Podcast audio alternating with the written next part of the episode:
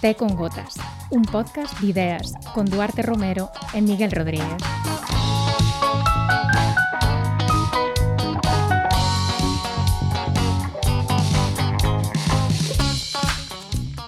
Oye, Miguel, ti es como Pedro Sánchez. A ti un chuletón ao punto pareceche imbatible. Pois a ver, eu aí estou estou bastante de acordo co presidente. Eh. A pesar de que eu son máis de solombo que de chuletón, eh, sí que me gusta o punto. Pero bueno, he de recoñecer que nos últimos anos non como tanto chuletón nin tanto solombo como me gustaría ou como comía antes, porque, bueno, nos anos que estaba no Reino Unido, ali a carne de vaca estaba, e de porco tamén, estaba algo máis cara do que aquí, E agora que estou de volta en Galiza, pois a miña parella non come nin carne de vaca nin de porco, si que come polo, como ela di, son animais de, de ollos pequenos, e a verdade é que, bueno, adaptando un pouco os hábitos, como bastante menos carne do que comía antes, pero bueno, aínda así sigo sendo un fan do solombo e do chuletón, e tamén creo que as lentellas ou levan chourizo ou non son lentellas. Ah, bueno, bueno, pois eh, as letrías vegetais tamén teñen o, tamén teñen o seu punto. Eu concordo contigo, non? Para min un chuletón o punto é eh, eh, a perfección, non me gusta cando a xente o pasa e o pasa e o repasa que lle quita todos os xugos, pero como a ti, cada vez estou comendo menos carne, tendo a preferir agora eh, comer menos carne menos veces e de mellor calidade, non? É algo que me saiba, que saiba mellor e disfrutalo máis, pero non todos os días nin, eh, nin moito menos. Pero, bueno, Este programa de hoxe non vai ir de chuletóns ao punto, nin de Pedro Sánchez, nin, nin de nada nin de nada parecido xa intentáramos hai uns meses darlle unha reconversión así gastronómica, non? Cando falábamos de empanada. Cando fixemos o reto da empanada e falábamos de como facer unha empanada en tempos de confinamento ali no Reino Unido, sí. Sí, pero non vamos non vamos ir por aí. Eh, vamos a seguir fieis a, a nosa proposta de falar de ideas e precisamente a idea deste programa non é nosa. Eh, veunos dun ouvinte, dun Patreon que nos suxeriu dedicarlle este programa a o conflito e o debate das macrogranxas que seguro que estabades fartos de, de escoitar non sempre ben cuberto nos medios e, e na nosa política pois falar eh, falar del. Así que desto é do que imos falar hoxe. Sí, porque isto ben ben xa de lonxe, non é algo reciente, especialmente nos últimos anos, que todos estamos pois máis sensibilizados coa cuestión do, do cambio climático, eh, houbo investigadores que puxeron moito foco no impacto que a industria eh, alimentaria e en concreto pois as producións eh, gandeiras, as macroproduccións gandeiras eh, tiñan no que ten a ver coas emisións de gases efecto invernadeiro. E é que a pegada ambiental que ten un, un kilo de, de carne hoxendía pois eh, é moi moi elevada, non só pola contaminación pois que poden traer consigo as grandes producións gandeiras, senón por por toda a, a cadea de produción e o que implica ter unha macrogranxa que o mellor depende de, de piensos industriais, porque eses piensos industriais, ao fin ao cabo, pois dependen de monocultivos agrarios, de cereais, como pode ser o caso da, da soya, que en moitos países como os Estados Unidos ou o Brasil, o que significan pois son máis áreas de, de selva e bosque destruídas para ter áreas de cultivo, de monocultivo, que, pois, por un lado, non só restan biodiversidade ao noso planeta, senón que tamén restan a capacidade que ten o planeta a través das selvas e dos bosques de absorber o dióxido de, de carbono. Entón, non estamos a falar só da contaminación que poida ter unha macrogranxa en sí, senón de todo o sistema alimentario e de como funciona toda esta, esta industria. E incluso tamén unha cuestión que me pareceu bastante interesante cando estaba lendo sobre sobre isto, as emisións de gases, digamos, da, da produción gandeira, que moitas veces teñen que ver cos animais, e, e cometano que poden expulsar os animais e que iso contribúe a, a pois, digamos, ao, ao quencemento global, non? E o efecto Ao efecto invernadeiro son cousas pois, que nas que quizáis non pensamos e que sí, que a, final, a fin de contas fan que para consumir un kilo de carne pois haxa que emitir un número moi grande de, de gases de, de efecto invernadoiro. Entón, o papel da produción alimentaria e concretamente do consumo de carne é un debate que está aí e como sociedade temos que reflexionar sobre canta carne imos querer eh, consumir e como vai a ser a produción da nosa carne se queremos eh, frear o, digamos, o, o quencemento o quencemento global. Pero claro, como con todo, en este podcast sabémoslo moi ben, hai moitos xeitos eh, de facer isto, hai moitos xeitos de, de, daros de dar os debates en moitas políticas moi diferentes que poden sair pois do recoñecemento dun, dun problema dun problema común. Un problema común que non todos recoñecen e do que non sempre se fala facendo unha análise rigorosa, porque probablemente non estaríamos a falar deste asunto se non fose pola polémica que no mes de xaneiro saltou os medios a raíz dunhas declaracións que o ministro de Consumo español Alberto Garzón fixo o diario británico The Guardian. Unha polémica que, por outra banda, se creou arredor dun bulo, porque nesa entrevista Alberto Garzón o que dicía basicamente era que el era partidario dun modelo de explotación gandeira máis extensivo, e dicir, onde os animais pois se alimentasen en base a pacer libremente nas terras e nos prados que a explotación de turno puidera ter a súa disposición. En contraposición co modelo das macrogranxas, onde o gando pois sería criado, alimentado de xeito intensivo dentro dunhas eh, instalacións industriais e, bueno, pois un modelo que está probado que é máis contaminante, está probado tamén que os animais que ali se crían non sempre están nas mellores condicións de salubridade e, pois, do que sae unha carne cunha calidade menor que o das explotacións extensivas. Bueno, pois desas declaracións, os partidos da oposición, e non só da oposición, tamén membros do Partido Socialista, que é socio de goberno de Unidas eh, Podemos, pois concluíron que Garzón estaba atacando o conxunto funcionamento do sistema e do sector gandeiro español, como se fose o mesmo unha macrogranxa que unha pequena explotación extensiva no que os animais pois se alimentan ao aire libre. A min todo este debate, se che son sincero, deume moitísima vergoña llea. Eu entendo que en calquera política ten que haber diferenzas, diferenzas ideolóxicas, non hai solucións máxicas para, para todo.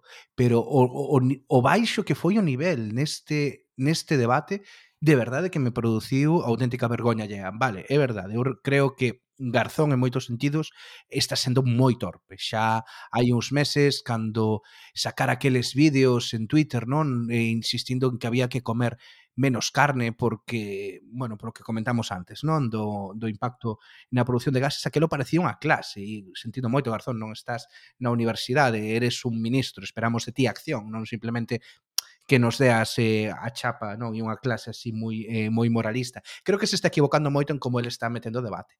Pero de aí as campañas que eu creo que absolutamente lamentables que fixo, pois, por exemplo, o PP con aquelo de eh, máis ganadería, menos comunismo, que eu creo que debe de ser a campaña máis rara que vin eh, que vin nunca, eh, pois pareceume un nivel moi baixo. Pablo Casado na, dando aqueles, aquelas eh, charlas na, ou aqueles meetings na, en, en granxas extensivas para defender a escandería das macrogranxas. Foi, foi todo moi raro, un nivel un nivel moi baixo, moi pouca seriedade. Políticos do PP tamén salindo, comendo chuletóns.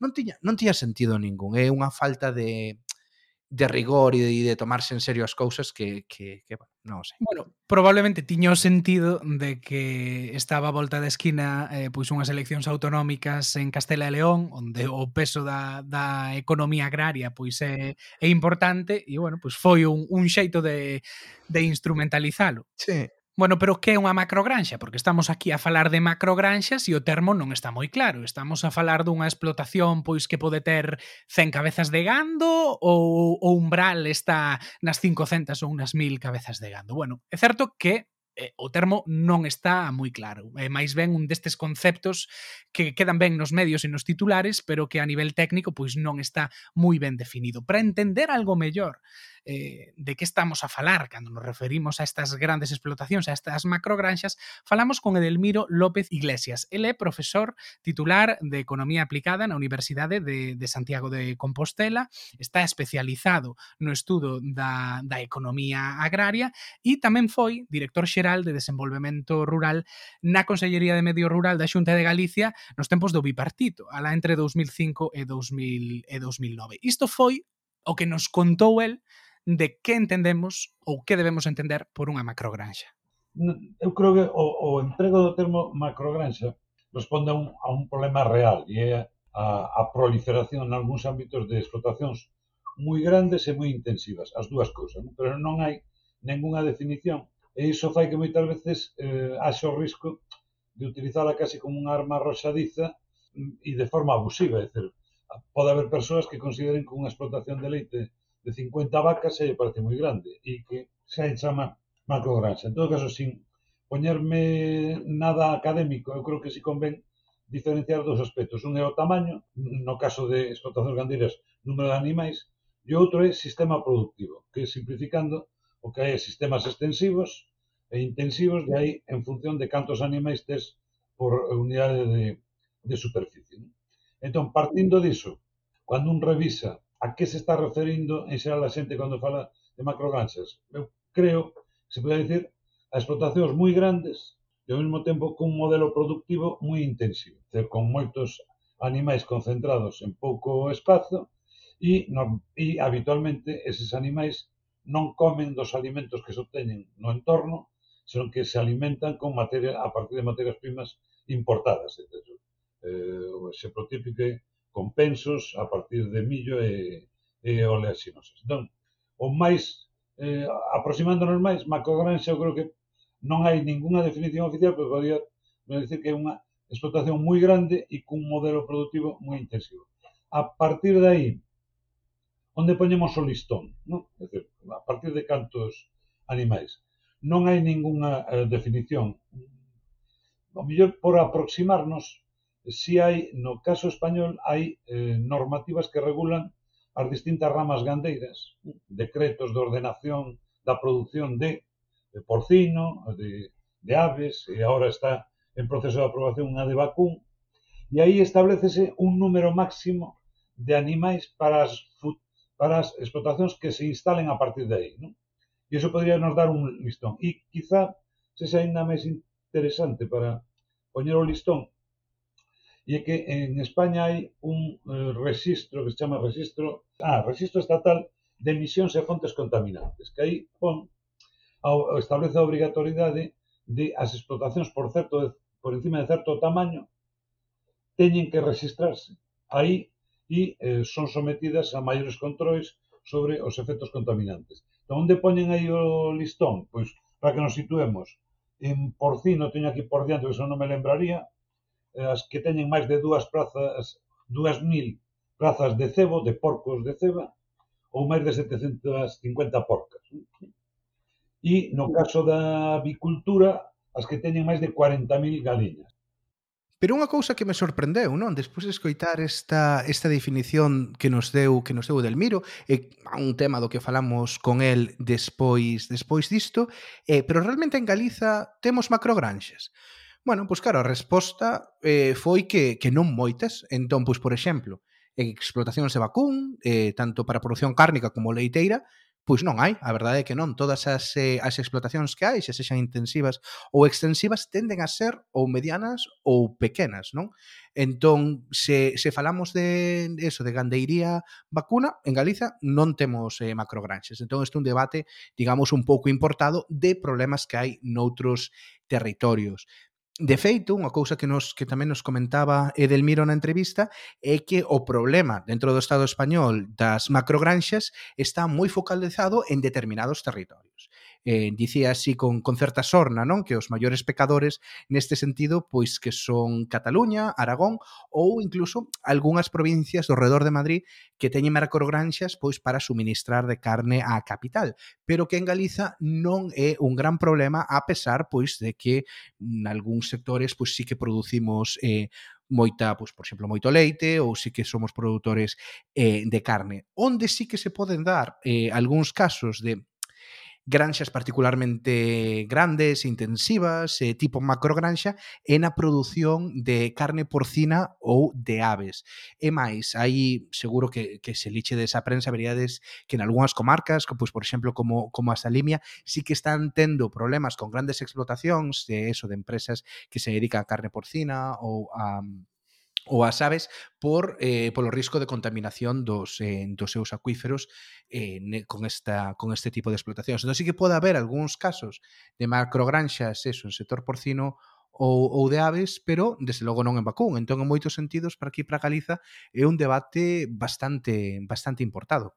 Sí, de feito, pois era un pouco marciano, non? Ver que en moitos concellos de, de Galiza o Partido Popular estaba a levar mocións pedindo a dimisión do ministro Garzón polos seus ataques aos gandeiros deste país, cando mm, mm, precisamente a maior parte das explotacións gandeiras de, de Galiza viríalles ben pois que se priorizase este tipo de, de, de explotacións máis extensivas eh, e que se puxesen máis trabas ás macrogranxas.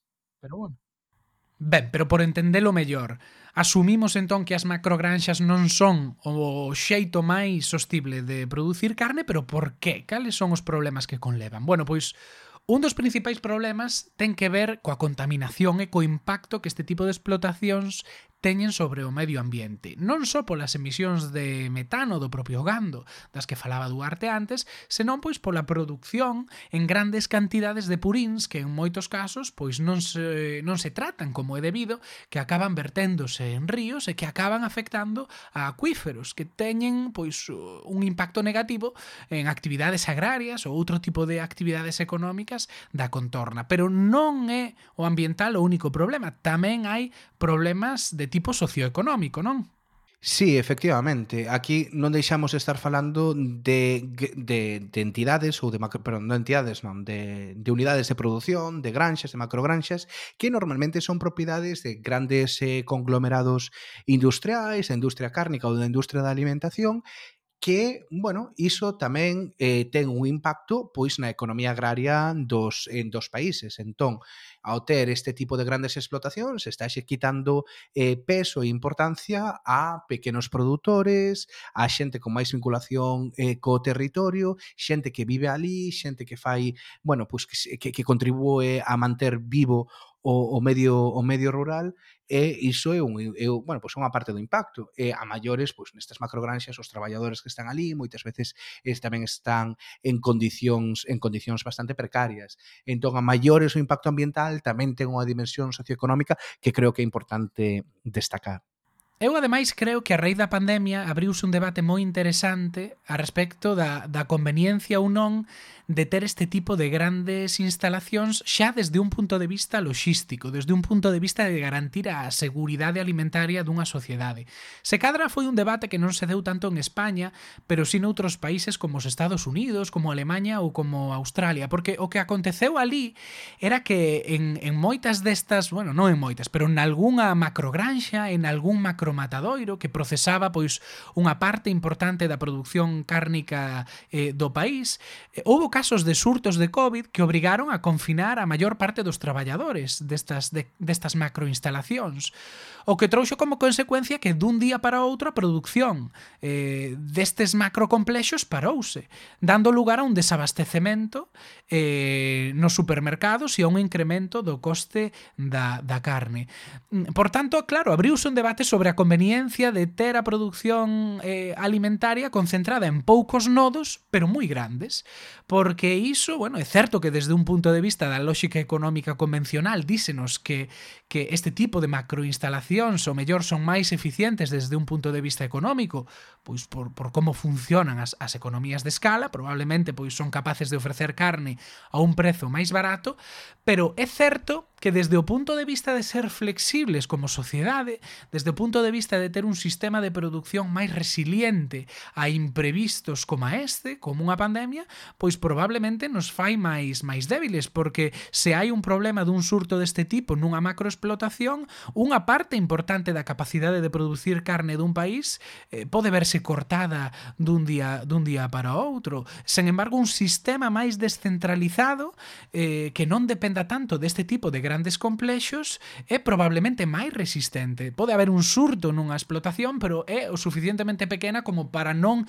eh, causar un impacto moi grande no, no conxunto da, da cadea de abastecemento. Entón, claro, isto abrí un debate a respecto de, ben, por un lado, eh, este modelo nos eh, proporciona carne máis barata, pero polo outro estamos eh, creando un modelo moito menos flexible, moito menos resiliente a posibles problemas inesperados, porque o que dicían nos Estados Unidos ou en Australia era moi ben, agora foi a COVID, pero que que acontecería se, se nunha destas grandes explotacións houbera un, un surto eh, dun virus que afectase os animais, eh, que acabase con todos os animais que estean ali, ali hacinados. Bueno, é un debate interesante.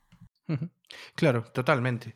Eh, precisamente pois para ter un maior entendemento de todos estes eh, problemas de, derivados das macrogranxas, eh, tamén falamos, tamén yo preguntamos a Delmiro López Iglesias. É dicir, que impactos negativos poden ter a proliferación de macrogranxas? Eu creo que por un lado está os impactos ambientais, como fonte de contaminación, que podemos entrar máis en detalle, pero é certo que a concentración dun gran número de animais nun espazo moi pequeno xera un problema de eh, nitrato, é certo, basicamente, que faz cos residuos gandeiros, por resumilo. E son fonte de contaminación a través de nitratos, eu non non son eh, especialista niso, pero Iso acaba trasladándose as correntes de auga e tamén son fontes de emisión de eh, eh metano e, e amoníaco. Iso ten que ver co cambio climático. Entón, hai, por un lado, os impactos ambientais negativos. Iso está moi ligado á concentración de moitos animais e moi pouco espazo. Non? Pero, aparte disso, hai outros dous tipos de impactos que creo que ten interese ter en conta. O impacto sobre a salubridade e calidade dos alimentos si é que o hai, é dizer, os alimentos que producen eh, estas eh, grandes explotacións intensivas son menos eh, fiables e pois está o impacto socioeconómico. Entón eu no, se un revisa a, a evidencia científica que hai, hai un problema claro nos impactos ambientais. Ainda que eso ten moito que ver con como de ben ou mal están xestionadas. Un podría ter unha explotación moi pequena, moi intensiva e que faga unha xestión do punto de vista ambiental moi mala. Non? Toda a concentración de moitas pequenas explotacións nun concello e con ese tipo de xestión levaríanos a un problema parecido. Non? Pero, mm, digamos que, en principio, os impactos ambientais das macrocranxas intensivas sí son un problema real. No que respecta a salubridade e calidade dos alimentos, en cambio, eh, digamos, a Unión Europea ten unha normativa bastante estricta no que é o control dos alimentos e hai que pensar, temos que creer os cidadáns, de que os mecanismos de control están funcionando. Por lo tanto, non, non cabe pensar que haxa ningún problema de, de salubridade dos alimentos. Outra cousa é de calidade, que é un concepto moito máis amplo. É dicir, pois, a carne de gando en extensiva nos ancares ten unha calidade e un sabor pois diferente do que se obtén en granxas intensivas, pero iso non é un problema, digamos, de seguridade alimentaria. E depois está o impacto socioeconómico, que a proliferación das macrogranxas si que, eh, na miña opinión, isto pode ser opinable ou discutible, si plantexan un problema, e é que si toda a producción gandeira se concentra nunhas poucas macrogranxas, é evidente que a xeración de emprego e a dinamización do territorio se ve resentida. Dizer, moito millor ter eh, 100 explotacións de o tamaño que sexa que ter unha explotación que eh, concentra todos estes, eh, os animais, o mesmo número de, de animais.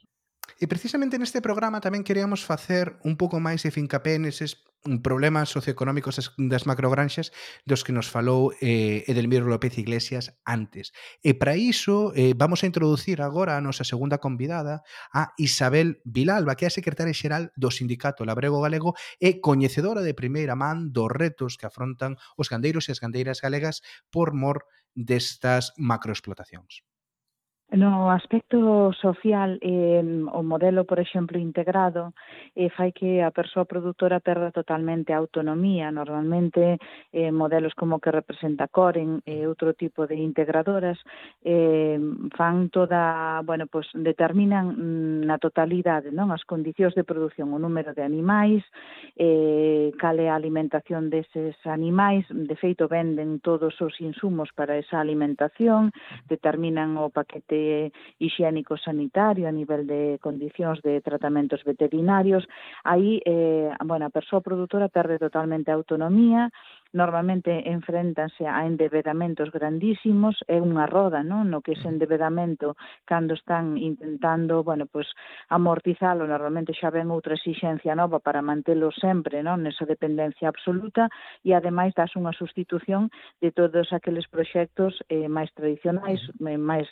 pequenos e medianos, co cal normalmente a mesma a mesma produción ou o mesmo número de animais que, que antes eh, pois, podían ter 20 familias, pois acaban tendo pois eh, un ou dous proxectos. Non está claro que destrue emprego, eh, que bueno, eh, perde a autonomía totalmente a persoa a persoa productora e normalmente o moi maioritario foi un modelo de produción industrial eh, non un modelo sostible tampouco ou ecolóxico ou, ou multifuncional, senón todo o contrario, non moi intensivo.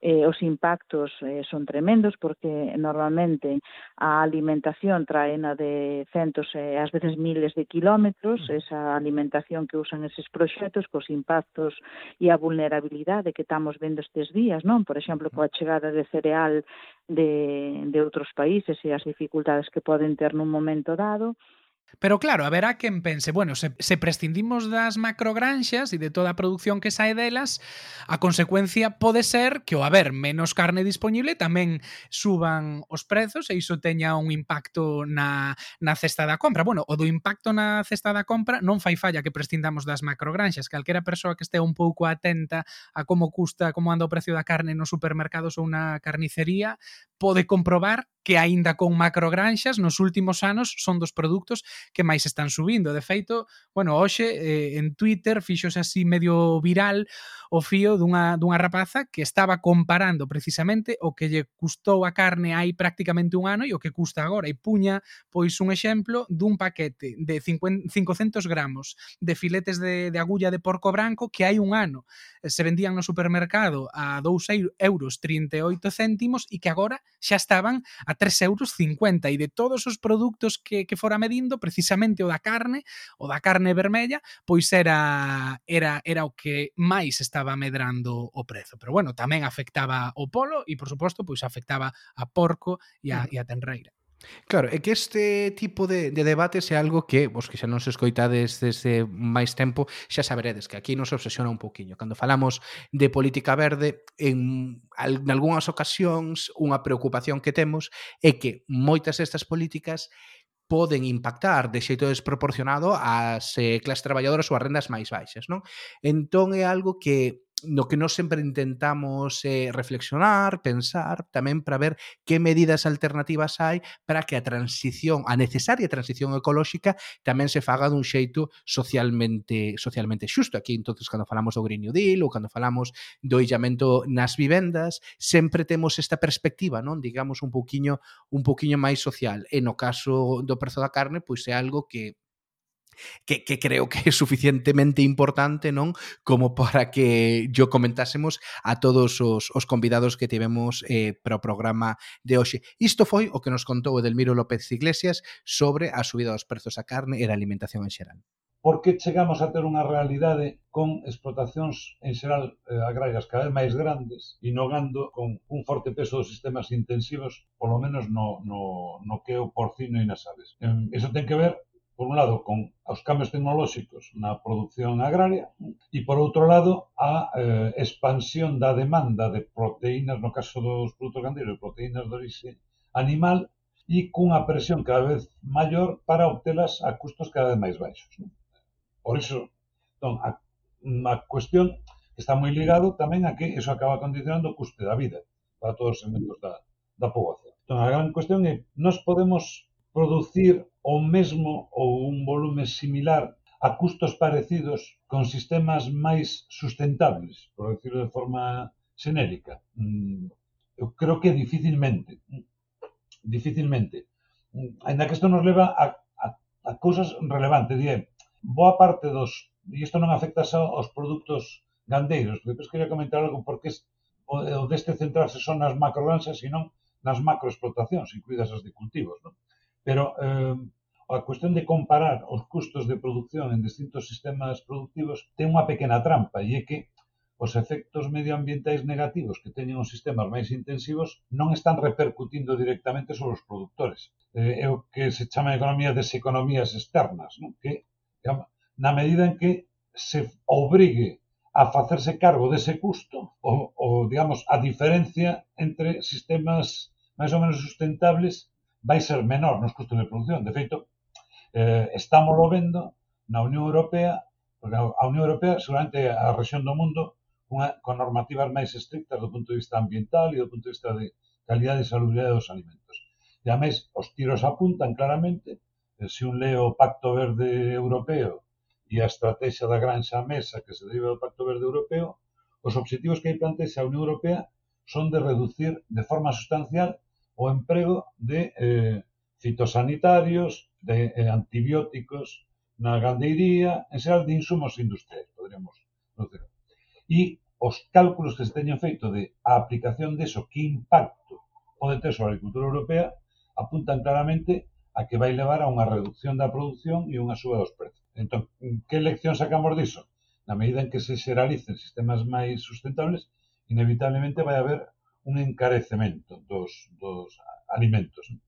Claro, pero se estamos abocados a que o precio da carne custe máis, porque hai que moldar o modelo de producción, pois aquí pode xurdir un problema social ou máis ben político porque se como consecuencia de todas estas medidas e políticas para facer a produción alimentaria máis sustentable, o que imos conseguir é que a carne se convirta nun produto reservado só para privilexiados, ou senón para privilexiados, pois para clases medias ou medias altas, deixando fora a xente pois con, con poucos recursos, bueno, pois pode ser que todas estas políticas tan ben intencionadas acaben acaben fracasando, eh, se ao final pois quen, quen cobra pouco non pode eh, consumir carne, xa non só polo feito de que todo mundo deberá ter dereito a consumir carne polo ben que está, se quere, senón tamén pois polo valor proteico que, mm. que a carne achega. Como dicía Lula da Silva, non, nunha nun vídeo de campaña recentemente, que non gosta dun churrasquiño, non? A xente a xente pobre tamén quere comer ben. E, e iso é moi importante, creo que é un valor moi importante. Non pode ser que se temos que reducir o consumo da carne entre todos, quen o reduza máis sexa xente que menos gana. Eso é moi difícil, creo que, de vender socialmente e hai que empezar a buscarlle alternativas, senón a xente vai reaccionar. Que foi exactamente o que aconteceu en Francia co tema dos chalecos amarelos a raíz das, das subidas de combustible. Si nos vemos que pasou nas últimas décadas, o que sucede, se nos centramos nos alimentos, o que estamos asistindo é a unha segmentación cada vez maior dos mercados alimentarios. Cada vez parecese menos como nos alimentamos distintos segmentos sociais e iso está moi ligado a factores culturais, pero está moi ligado ao poder adquisitivo. E dentro deso dá esa contradición de que os, o consumo de bens máis sustentables, ou digamos, o, o modelo de produción máis sustentable na Unión Europea sería a agricultura que teña certificación de agricultura ecolóxica, que un vai abonda con simplemente facer a compra, non ten que facer ningún estudo, ve que eh, os prezos de venda eh, son maiores que dos produtos convencionais. Ben, o que se está dando é onde se concentra o consumo dese tipo de bens, nas clases medias e altas, basicamente porque é as que se poden permitir. E é unha, moitas é unha contradicción, incluso, digamos, de produtores que en boa parte por conciencia social e ambiental s'orientan para sistemas máis sustentables e cuida a produción ecolóxica os seus clientes non, non todos, non ten pero son maioritariamente de clases medias eh, e altas. Entón, ou afor, abordamos o problema que vos decides, é de como logramos que isto non faga que o da alimentación eh, con produtos máis sustentables se acabe convertindo nunha cousa de, non digo de ricos, pero sí de eh, de clases de alto poder adquisitivo. Eu creo que eso ten, eh, en parte pode ter resolución nas políticas alimentarias, pero eu creo que a solución principal está fora da política alimentaria, ten que ver coas políticas redistributivas en xeral. Para iso están os sistemas fiscais e os sistemas de transferencias sociais. Iso me estou explicando, non é quitar balóns fora, non? pero é reducir as disparidades, as desigualdades na, na distribución da renda e tratar de que aquelas medidas dirixidas a penalizar determinado tipo de sistemas productivos ou consumo de eh, mm, combustibles fósiles, eh, que eso se aplique de tal forma que non repercuta principalmente sobre as eh, clases con menor poder adquisitivo. Pero é evidente que temos que eso é un problema. A mí iso que comentou ahora, ahora mesmo Edelmiro López Iglesias sobre a necesidade de acompañar estas medidas de cambio do modelo productivo con outras medidas de redistribución, pareceme super interesante, non? E sí que entendo que é verdade que hai veces que, al, que as, as políticas verdes van a ter algún impacto digamos, económico ou sobre a, a renda da xente, pero que se iso se acompaña con outro tipo de políticas pode servir para compensar. A verdade, pareceu unha reflexión bastante interesante, pero non é a única alternativa que conste. Eh, na entrevista que lle fixemos á secretaria xeral eh, do Sindicato Labrego Galego, Isabel Vilalba, tamén nos falou de que é posible manter o prezo o prezo dos produtos cárnicos, en xeral dos produtos agrícolas relativamente baixo ou por menos baixo control, se se eliminan intermediarios. Isto foi o que nos contou. En primeiro lugar, eu creo que se dá un, bueno, unha mensaxe que é moi perversa neste sentido, non? Porque obviase non que, por exemplo, na cadea de valor eh, bueno, a, a diferencia entre o precio pagado en orixen e o que cobran en destino, pois a gran distribución hai un, unhas porcentaxes que son indefendibles, non? Eh, hai un índice, por exemplo, que nós traballamos con el que se chama o índice IPOD, que mide a diferencia entre prezos pagados en orixen ás persoas agricultoras e candeiras e o que se lle cobra ás persoas consumidoras e de media normalmente mes tras mes eh, indica que hai unha diferencia dun 400% uh -huh. e en determinados produtos ás veces é un 900% ou un, ou un 1000%, eh? quero decir, entre que o, o que se paga ás persoas productoras e o que se lle cobra ás consumidoras. Entón, estamos falando de alimentos, alimentación é un, unha necesidade básica e un dereito básico, e eh, temos que conseguir que haxan os precios remuneradores en orixen, pero temos que ter tamén eh, garantizado que as persoas zonas eh, bueno, da sociedade eh, pois poidan acceder a alimentos de calidade dunha maneira eh, bueno, pois que seña accesible coas condicións sociais que hai, non? Entón, mm, primeiro, en primeiro lugar hai que ver que o funcionamento da cadea alimentaria está totalmente pervertida, eh, non se puxaron nunca ferramentas para garantizar precios xustos en orixen e tampouco se eh, poñen ferramentas para garantizar que o precio que chegan eses produtos á sociedade eh, permita pois esa alimentación saudable de calidade para o conxunto da sociedade, non? E despois, eh, o modelo de produción máis sostible ambientalmente en base a terra, en base a forraxes propios, eh, normalmente é precisamente no que se consiguen eh, unhos costes de produción máis axeitados. Mm. Eh, para iso necesitamos base territorial. En Galicia temos alrededor dun 21% de base territorial, que é unha superficie agraria útil das máis baixas nas, a nivel europeo, por exemplo, e iso eh, fai que teñamos unha dependencia enorme da, da compra de insumos eh, e, bueno, e tamén os altos custos de produción. Non? Entón, un modelo máis sostible eh, non tería por que ter máis costes de produción, eh, todo o contrario, non? E despois, na formas de venta, eh, en Galicia, pois tamén, eu creo que dunha maneira desafortunada, non se protexeu aquelas eh, formas máis directas de chegada dos produtos das persoas produtoras ás persoas consumidoras.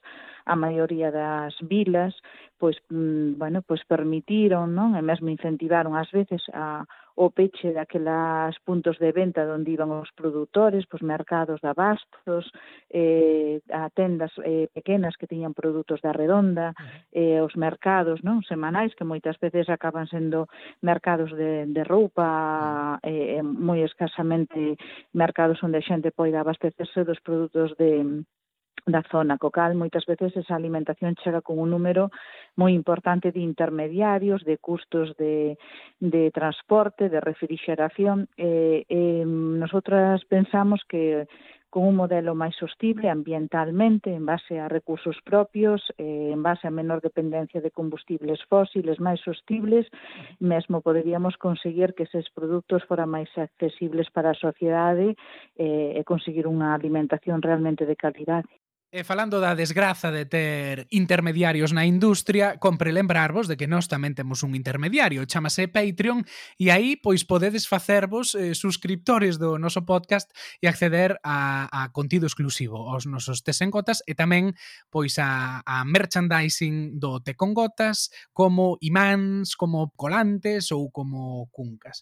Así que xa sabedes, se queredes ser membros da nosa comunidade, podedes ir a www.patreon.com barra Agárrate con gotas e ali pois tedes catro modalidades de suscripción ao noso podcast. E bueno, un Patreon un intermediario que tamén vemos como de todos os as doazóns que nos chegan tamén quedan non cun cun pellizco e vemos como os, os intermediarios poden impactar no, na conta de resultados finais. Pero é importante tamén ver que alternativas hai. Aquí xa retomamos co co programa, non? Se nos contaba Isabel Vilalba do Sindicato Labrego Galego que eles o que aspiran é a reducir eses intermediarios e que os achegar o, o, o produtor ao, ao consumidor, non? Pois eh, para que os produtores reciban uns prezos máis xustos, vemos que eh, hai modelos e hai lugares en Galiza no que se está traballando precisamente nesta liña. E un deles é na, nos Ancares, na zona dos Ancares, a través da cooperativa A Carqueixa, que é unha cooperativa de produción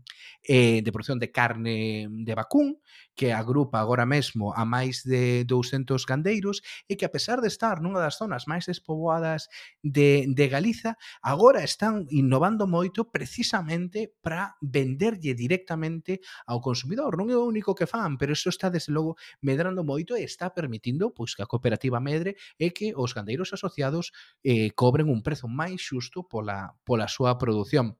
Precisamente para este programa inter, in, entrevistamos ao, ao seu eh, xerente, a Román Sánchez, xerente da Carqueixa. Isto foi o que nos contou.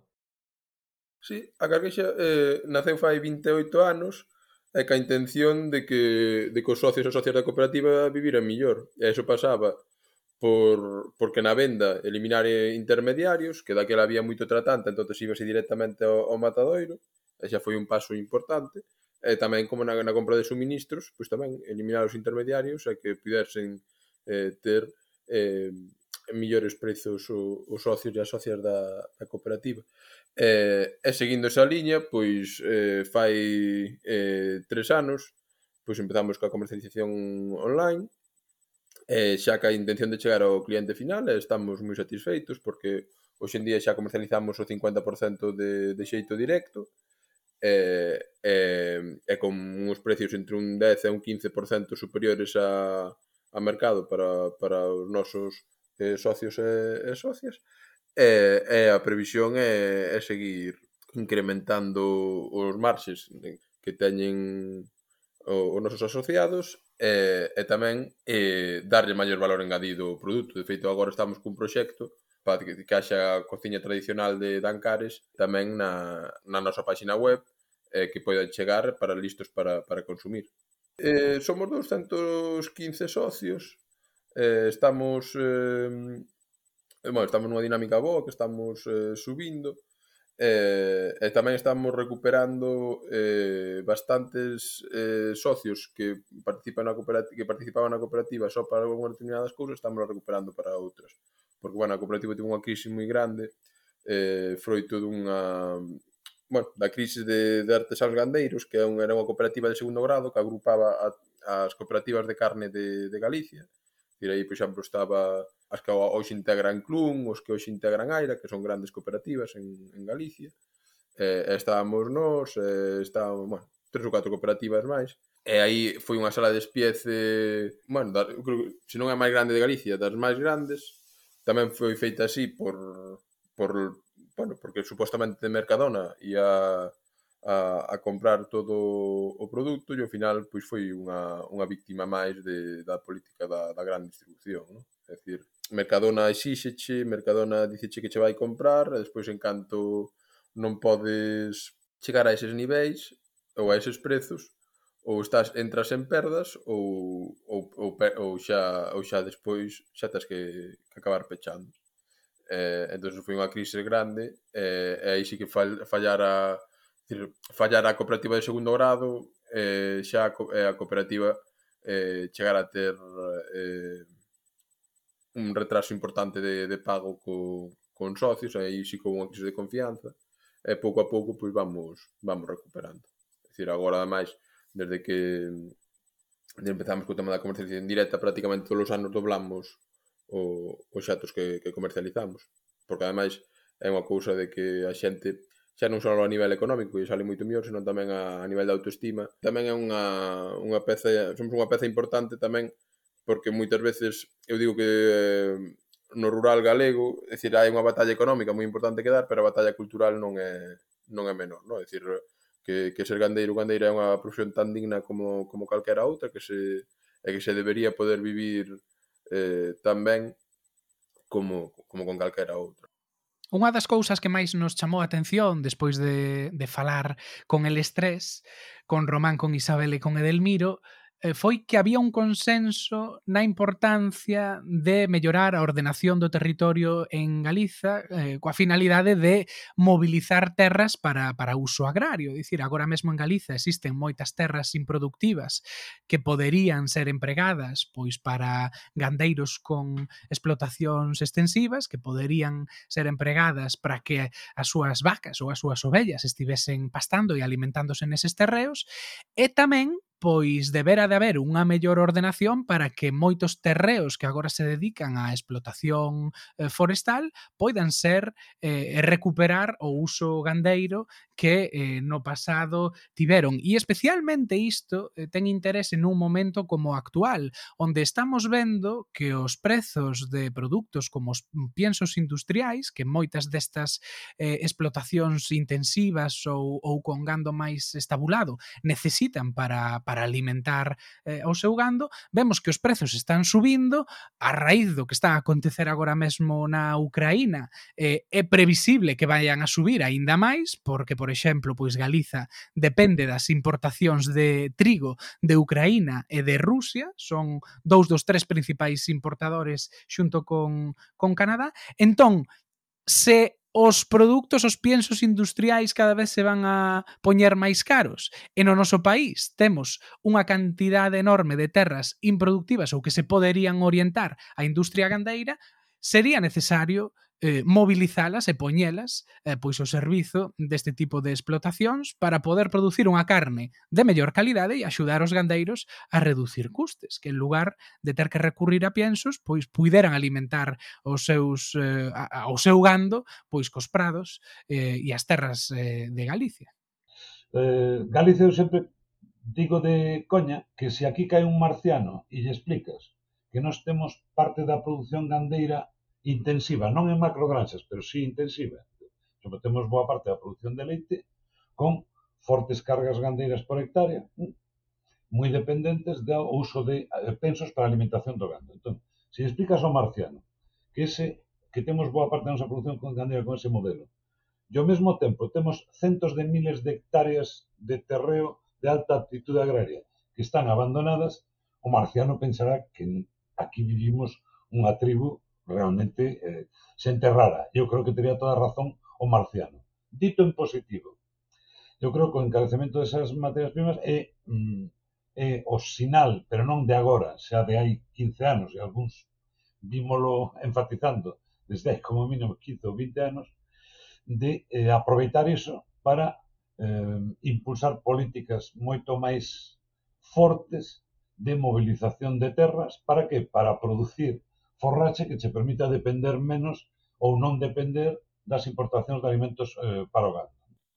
Nos últimos tempos eh, fomos perdendo eh, terras agrarias a marchas forzadas, eh, en primeiro lugar porque eh, non se viu eh, o carácter estratégico da produción de alimentos. Eu creo que no momento no que estamos, pois creo que probablemente xa o viramos dunha maneira moi diferente, non? Cando estamos falando de duns días nos que está subindo tanto combustible e hai dificultades para chegar eh, bueno, de produtos básicos de importación, pois mm, teríamos que ver ese carácter estratégico de producir a nosa alimentación, de teremos eh, maiores cotas de de soberanía alimentaria non se protexeu a terra agraria en absoluta, permitiuse a súa forestación de maneira indiscriminada. A día de hoxe sigue sendo, bueno, pois a nivel de preferencia legal, non, pois se se, se instala unha mina ou se instala un parque eólico pois considerase que pois cuestións como a enerxía non teñen eh, preferencia sobre a produción alimentaria e eh, por diferentes cuestións eh, como a eucaliptización masiva do país por fomos perdendo terras con unha eh, bueno, predisposición, unha, un carácter eh, excepcional para a produción de alimentos. Non? pero sí que me parece moi perigoso o, o feito de que temos unha guerra como agora como a de Ucraína eh, e que se poña eh, en Xaque, decir toda a produción de, de, de moitísimas eh, ganderías, non? Quer dicir, que eu penso que eso temos que facer reflexionar que a riqueza que temos como país a nivel de terras agrícolas que son das máis productivas de, de Europa é unha, é unha tolemia a nivel alimentario e a nivel económico que por, por, por non haber unha ordenación territorial eh, terras que poderían ser a, alimento que estén plantadas de, de eucalipto non? e neso tamén é un, un bon exemplo precisamente Ancares que está prohibido o eucalipto e o que fai é, é medrar a, a superficie de, de pastos onde non hai competencia realmente do, do eucalipto, o, os gandeiros sí que dan competido. Dicir, eh, incluso a, decir, porque con, con piñeiros, pois eh, eh, hai, bueno, decir, hai zonas e zonas, pero hai bastantes zonas onde o que se está facendo é sustituir piñeiro por prado. Eu quero dicir con isto que teri, debía estar prohibido o eucalipto en toda Galiza, no, pero creo que hai cerca de 200 hectáreas de, de de superficie agrícola que foron plantadas con, con eucalipto, no, non sei se eran nos últimos 10 anos ou unha... E, e, e claro, ves con un pouco de perspectiva económica e, e sí que te botas as maus a cabeza. E xa sin entrar en cuestións de soberanía alimentaria, ademais, que hoxendía teríamos que dar ese debate porque estáse vendo que non é unha cousa de catro iluminados senón que é o, o día a día que, no, que nos vai pasar agora ca suba do, dos prezos eh, dos cereais. Non? E ata aquí o programa de hoxe. Agradecementos a Noemí Alonso polas eh, voces da intro, a Ruán pola música e vos, bueno, xa sabedes, se queredes eh, seguirnos en redes sociais, estamos en Instagram, en Twitter e incluso en Facebook. E Todas as semanas tedes un newsletter o cal vos podedes suscribir a través da nosa página web tecongotas.com eh, e estaremos de volta a semana que ven cun eh, contido extra exclusivo para Patreons que liberaremos para todo o mundo en dúas semanas. Entre tanto, pois pues nada, escoitámonos eh, a semanilla que ven.